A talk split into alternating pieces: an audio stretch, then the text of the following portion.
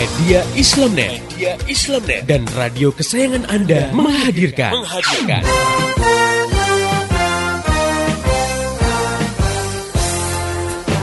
Voice of Islam. Voice of Islam. Voice of Islam. Bagaimana tidak nyaman misalnya ya kalau diterapkan hukum cambuk bagi peminum khamar sementara negara tidak menerapkan mekanisme yang melarang khamar masuk ke suatu wilayah Iya. dan diperjualbelikan. Artinya masih ada orang yang berjualan khamar dan akhirnya ada juga yang beli, akhirnya ada juga yang minum. juga Padahal yang- kalau minum dicambuk. Nah, ini kan juga semacam dilema juga ya. Iya. Atau misalnya diterapkan hukum cambuk bagi yang melakukan pergaulan bebas. Nah, sementara negara sendiri tidak menghambat arus masuk pornografi dan porno aksi di suatu negeri.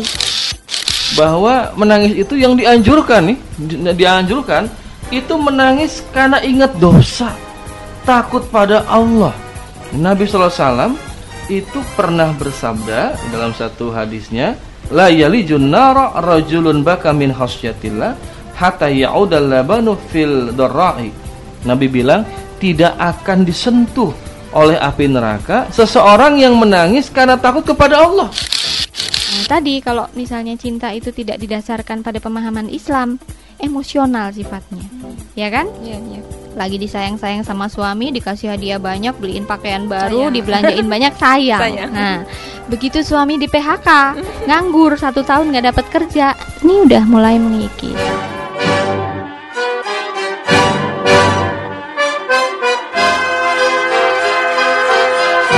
Voice of Islam. Voice of Islam. Voice of Islam.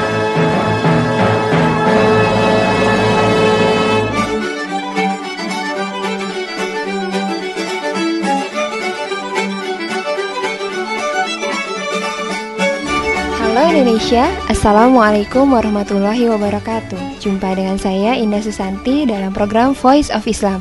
Kerja bareng media Islamnet dengan radio kesayangan Anda ini. Dan selama 30 menit ke depan Voice of Islam akan menemani Anda dalam rubrik konsultasi surat.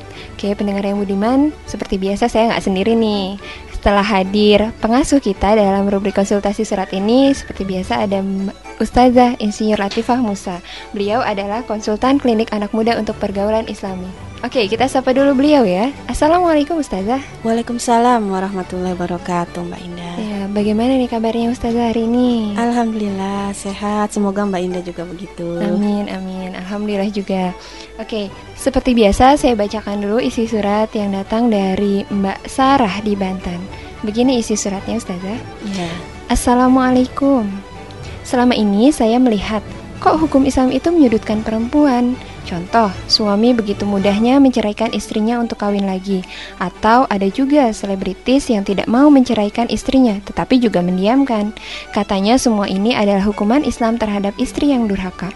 Apa iya hanya istri yang durhaka, sementara tidak ada satupun suami yang bisa dikatakan durhaka? Saya prihatin dengan nasib muslimah sekarang. Apa iya sih hukum Islam itu menyudutkan perempuan? Sarah di Banten. Oke, itu isi surat dari Mbak Sarah ya Ustazah di Banten. Ya. Nah, kita masuk ke pembahasan eh, suratnya, ya Ustazah. Ada keresahan dalam diri Mbak Sarah. Apa benar hukum-hukum Islam itu hanya berpihak pada laki-laki? Ya, baik Mbak Indah, Mbak Sarah di Banten dan juga pendengar yang budiman di seluruh tanah air. Jadi kalau dikatakan apa benar hu- hukum-hukum Islam itu hanya berpihak pada laki-laki, itu tidak betul ya. Pria dan wanita itu sama-sama hamba Allah. Laki-laki, perempuan itu hamba Allah semua. Semuanya sama di hadapan Allah.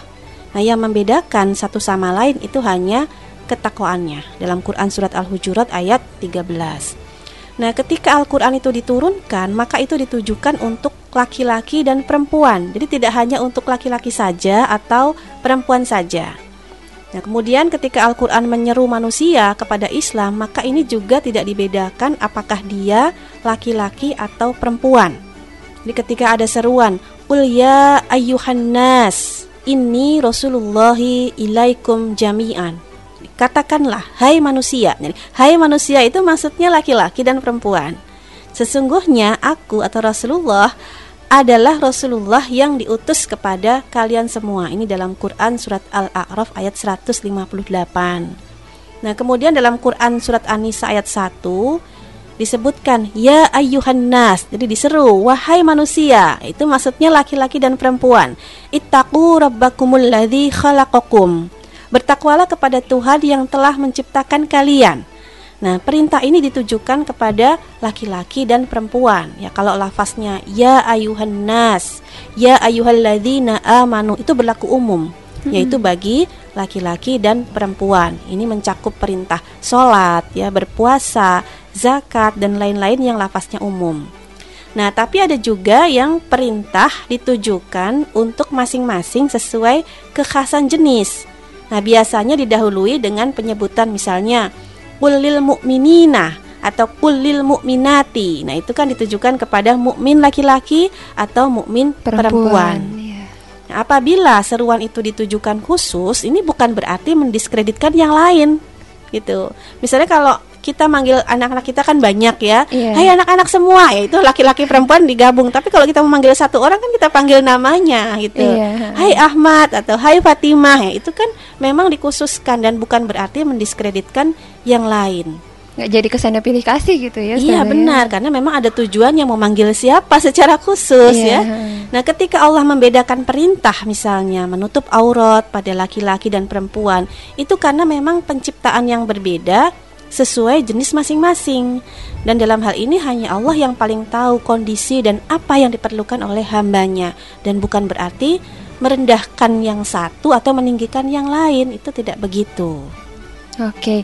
Nah, kalau tadi juga Mbak Sarah di Banten ini kan juga sempat menyinggung ada kasus saya gitu. Nah, kalau ada kasus suami yang menghukum istrinya dengan hukuman is- eh, dengan hukuman Islam gitu ya Ustazah, Iya. seperti mendiamkan istri, tidak diceraikan tapi juga nggak diapa-apain gitu. Jadi Iya. eh, suaminya bebas kawin lagi gitu. Jadi kesannya kok enak banget ya suaminya gitu. Nah, apa Iya. ini berarti hukum Islam menyudutkan perempuan Ustazah? Ya, di dalam Islam ada aturan tersendiri yang memang tujuan pelaksanaannya untuk menyelesaikan masalah. Jadi bukan untuk menimbulkan persoalan atau bukan untuk menzolimi satu pihak atau memenangkan pihak yang lain. Nah, ketika ada persoalan rumah tangga, ya misalnya dalam satu kasus istri bermasalah, misalnya istrinya menyeleweng atau istrinya membangkang tidak taat ya kepada suaminya. Nah, maka suami memang diberi wewenang oleh Islam untuk menyelesaikannya karena laki-laki adalah pemimpin bagi keluarganya dan laki-laki dalam hal ini juga menjadi pemimpin bagi istrinya atau bagi kaum wanita. Nah, Al-Qur'an mengajarkan dalam kasus tadi ya, istri yang membangkang misalnya, dalam Quran surat An-Nisa ayat 34 ada beberapa tahapan, yaitu yang pertama dinasehati. Nah, kalau tidak mempan dinasehati, itu ada proses dipisahkan tempat tidur, didiamkan. Nah, kalau tidak mempan lagi, ini boleh dipukul, tetapi dengan pukulan yang tidak menyakiti badan. Nah, Itu penjelasan dalam Islam. Nah, kalau mereka taat, maka maafkan, jangan mencari jalan untuk menyusahkan. Nah, begitu juga ketika mendiamkan istri, Islam mengajarkan jangan sampai lebih dari tiga hari. Itu ya. Kalau musuhan itu kan anak-anak kecil juga nggak boleh lebih dari tiga hari gitu Iya ya. benar.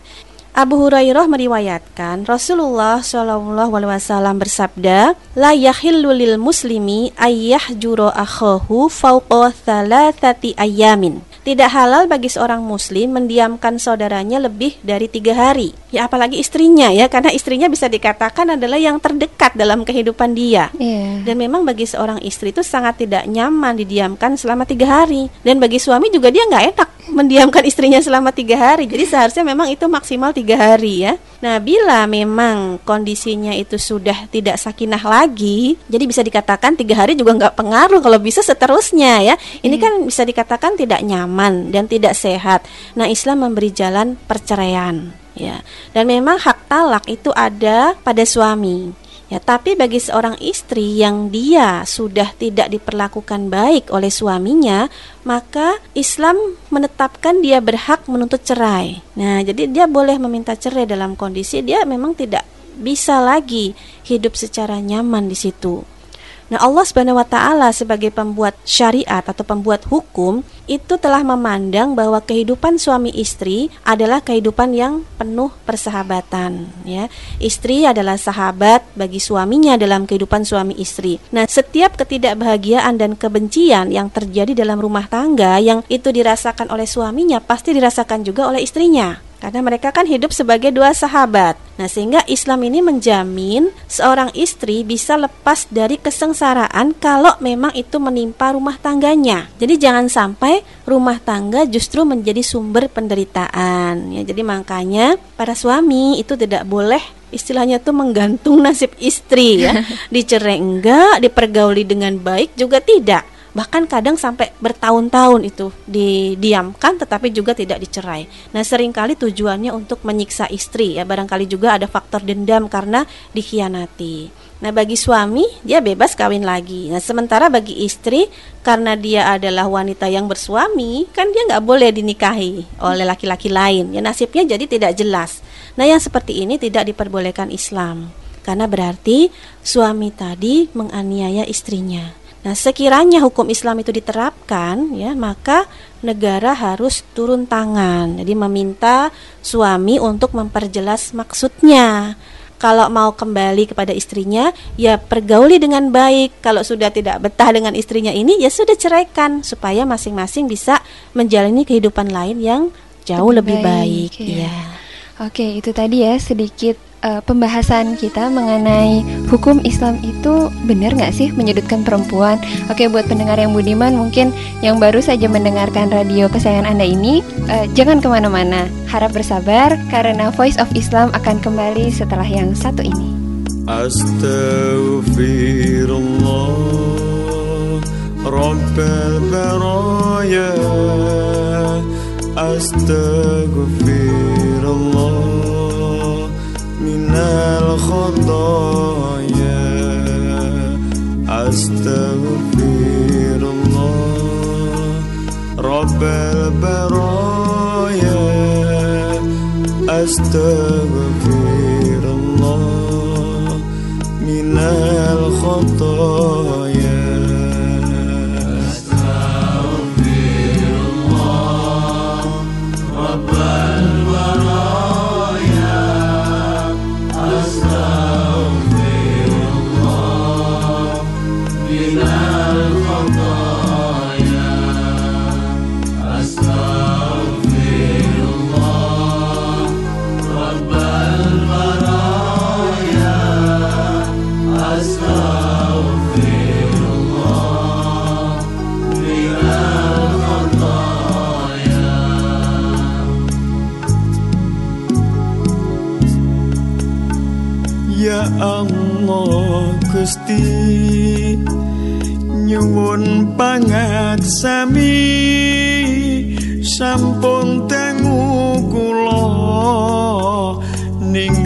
ke agami.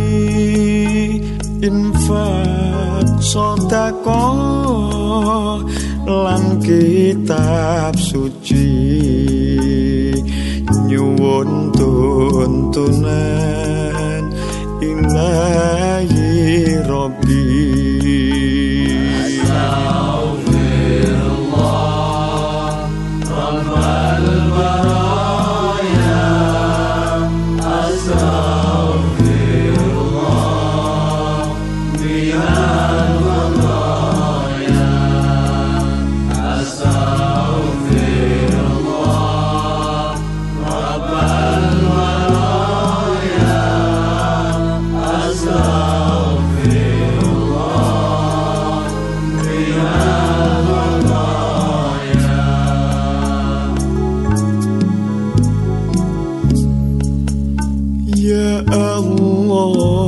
Gusti kang damel jagat kada bilai kawula sambat. Punapa coba punapa laknat estigo sanglah all I'm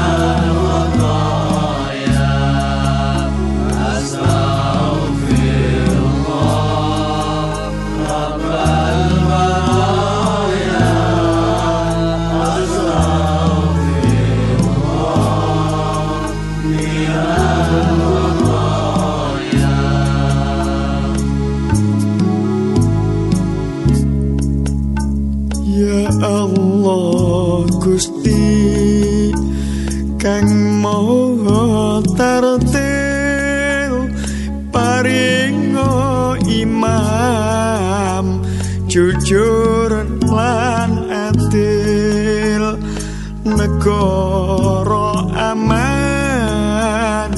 Songko wong jahil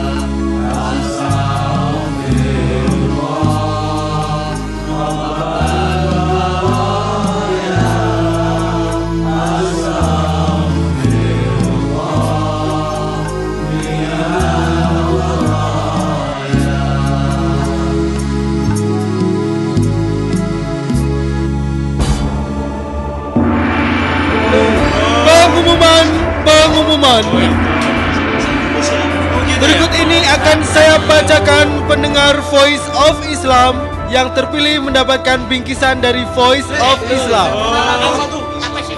Dengarkan.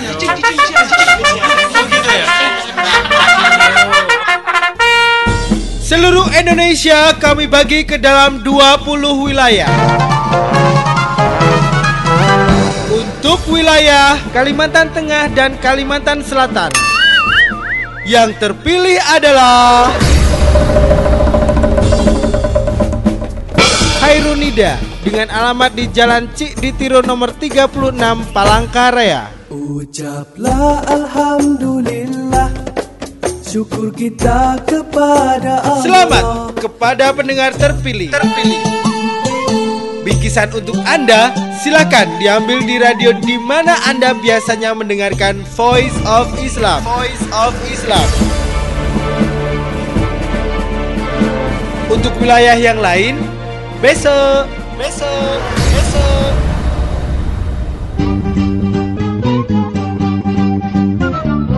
Masih Anda ikuti Voice of Islam.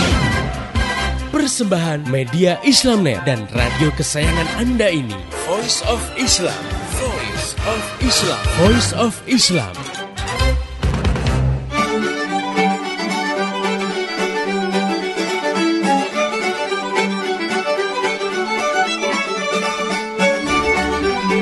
Masih di Voice of Islam, kerja bareng media Islamnet dengan radio kesayangan Anda ini. Saya sekarang ditemani oleh Ustazah Insinyur Latifah Musa dalam rubrik konsultasi surat.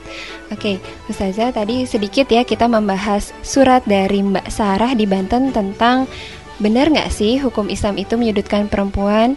Kemudian pertanyaan saya berikutnya, kalau tadi kan Mbak Sarah bilang, apa benar sih eh, emang hanya istri aja yang durhaka? Gitu. Sementara laki-laki tidak dikatakan durhaka. Jadi ia bebas aja gitu menzolimi istrinya gitu. Nah, gimana nih Ustazah? Ya, kesannya kan sepertinya yang namanya durhaka itu istri gitu ya. Sementara kalau suami dia nggak ada status durhaka, jadi Iya. enak dong gitu ya. Nah, tentu saja nggak begitu. Jadi perempuan itu dia bisa dikatakan durhaka kalau dia membangkang kepada suaminya seperti berselingkuh. Maka dikatakan perbuatan dia itu adalah berdurhaka kepada Allah. Jadi durhakanya kepada Allah.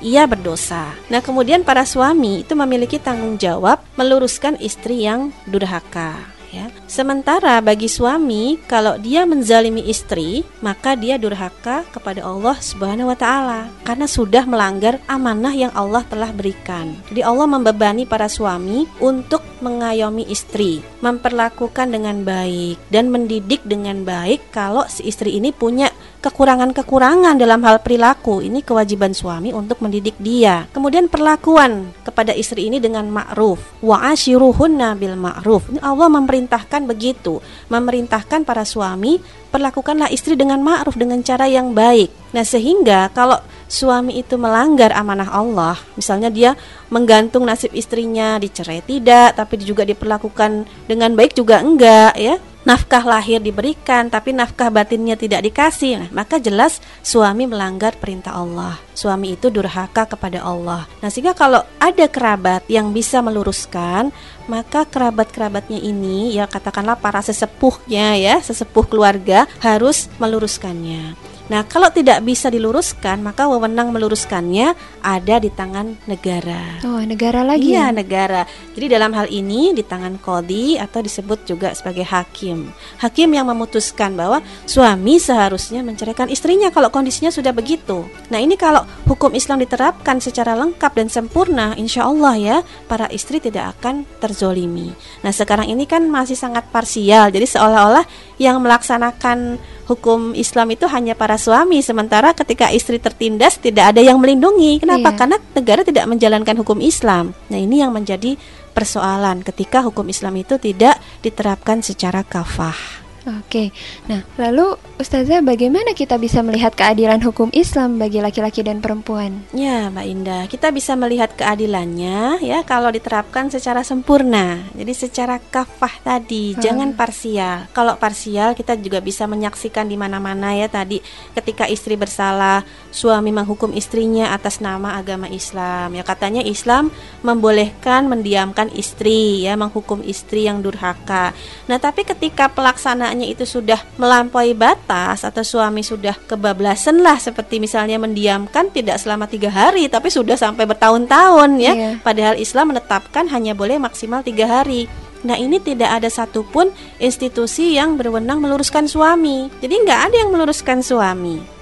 Nah karena negara tidak melaksanakan hukum Islam. Akhirnya kalau Islam dilaksanakan secara parsial ya tidak sempurna, seolah-olah hukum Islam itu menyusahkan. Jadi hukum Islam itu tidak menjadi rahmat bagi kehidupan dan akhirnya apa yang terjadi? Masyarakat malah memandang miring syariat Islam. Yang terjadi sekarang kan apa kan komentar-komentar oh iya ya kasihan ya perempuan kalau hukum Islam diterapkan kenapa suami jadi semena-mena padahal itu karena pelaksanaannya yang tidak sempurna, dan salah gitu. Akhirnya orang menjadi kapok dengan hukum Islam. Itu yang berbahaya. Oke, kalau tadi juga perempuan itu seolah-olah disudutkan gitu kan. Kemudian akhirnya ada beberapa atau sebagian perempuan gitu ya yang mencoba untuk eksis akhirnya gitu dengan dengan bahasa emansipasi gitu. Nah, Iya. sebenarnya kalau dalam pandangan Islam ini sendiri ada nggak sih eh, istilah emansipasi itu saja? Iya, emansipasi itu sebenarnya jargonnya dunia barat ya ketika para wanita itu tertindas dalam naungan sistem kapitalisme ya karena memang sistem kapitalisme itu kan menindas yang lemah dan ketika posisi perempuan itu lemah ya sudahlah perempuannya menderita. Nah, di sinilah kemudian para perempuan berjuang membebaskan dirinya. Nah, kalau di dalam Islam, Islam datang itu justru mengangkat nasib perempuan ya ke tingkat yang paling mulia dalam sejarah umat manusia. Wah, Iya. enak banget ya kalau gitu. Iya, jadi seperti misalnya kata-kata surga di bawah telapak kaki ibu itu kan dari Islam ya dalam Iya. sebuah hadis. Ini yang menempatkan perempuan itu dalam Islam ditempatkan pada kedudukan yang mulia. Nah, kemudian juga eh, perlakuan Islam terhadap wanita itu juga sangat menjaga, melindungi dan memuliakan sehingga sebenarnya jargon emansipasi itu tidak ada dalam kamus Islam. Tapi ketika kaum muslimin itu menerapkan sistem kapitalisme, ini nasib perempuan akan jatuh lagi. Jadi yang terjadi seperti itu. Akhirnya apa? Perempuan tertindas lagi, perempuan menuntut haknya lagi. Akhirnya perempuan berjuang lagi untuk menuntut emansipasinya. Ya misalnya dia menuntut kebebasannya. Itu kenapa? Karena kembali lagi Islam tidak diterapkan dan kapitalisme memiliki peluang untuk menindas kaum perempuan. Nah, ini kita harus memahami masalah ini. Oke, eh, itu tadi ya pendengar yang budiman pembahasan kita dengan Ustazah Insinyur Latifah Musa mengenai benarkah hukum Islam itu menyudutkan perempuan? Kesimpulan yang bisa saya tarik tadi ya Ustazah bahwa memang Islam itu sebenarnya begitu adil baik kepada laki-laki maupun perempuan gitu. Dan kalaupun memang ada kasus-kasus yang sekarang seolah-olah mendiskreditkan perempuan, sebenarnya memang seharusnya solusinya adalah Islam itu ya diterapkan dengan kafah sehingga tidak hanya permasalahan itu berkutat di rumah tangga saja gitu, tetapi masalah itu bisa langsung diselesaikan oleh negara gitu ya, Iya, ya betul. tadi. Oke, untuk pendengar yang budiman yang ingin memberikan masukan, kritik dan saran, silahkan kirim surat ke radio kesayangan Anda ini atau atau melalui SMS ke 085694924411 atau melalui email ke mediaislamnet@yahoo.com. Dan bagi pendengar yang ingin tahu banyak tentang Voice of Islam, radio yang menyiarkannya, topik yang akan dibahas dan info-info lainnya, klik aja di www.gaulislam.com. Saya Indah Susanti dan kerabat kerja yang bertugas mengucapkan terima kasih kepada Ustazah Insinyur Latifah Musa Sama-sama Mbak Indah. dan pesan kami, sampaikan pesan yang Anda peroleh dari acara ini kepada yang lain, agar rahmat Islam segera tersebar luas termasuk di kota Anda yang tercinta ini. Mari menimbang masalah dengan syariah. Wassalamualaikum warahmatullahi wabarakatuh. Demikian tadi Voice of Islam. Voice of Islam. Semoga hikmah yang terkandung bermanfaat untuk kita semua. Amin amin amin ya robbal alamin. Kembali bisa Anda dengarkan Voice of Islam. Voice of Islam menghadirkan topik-topik seputar kehidupan kita esok hari di waktu dan gelombang yang sama.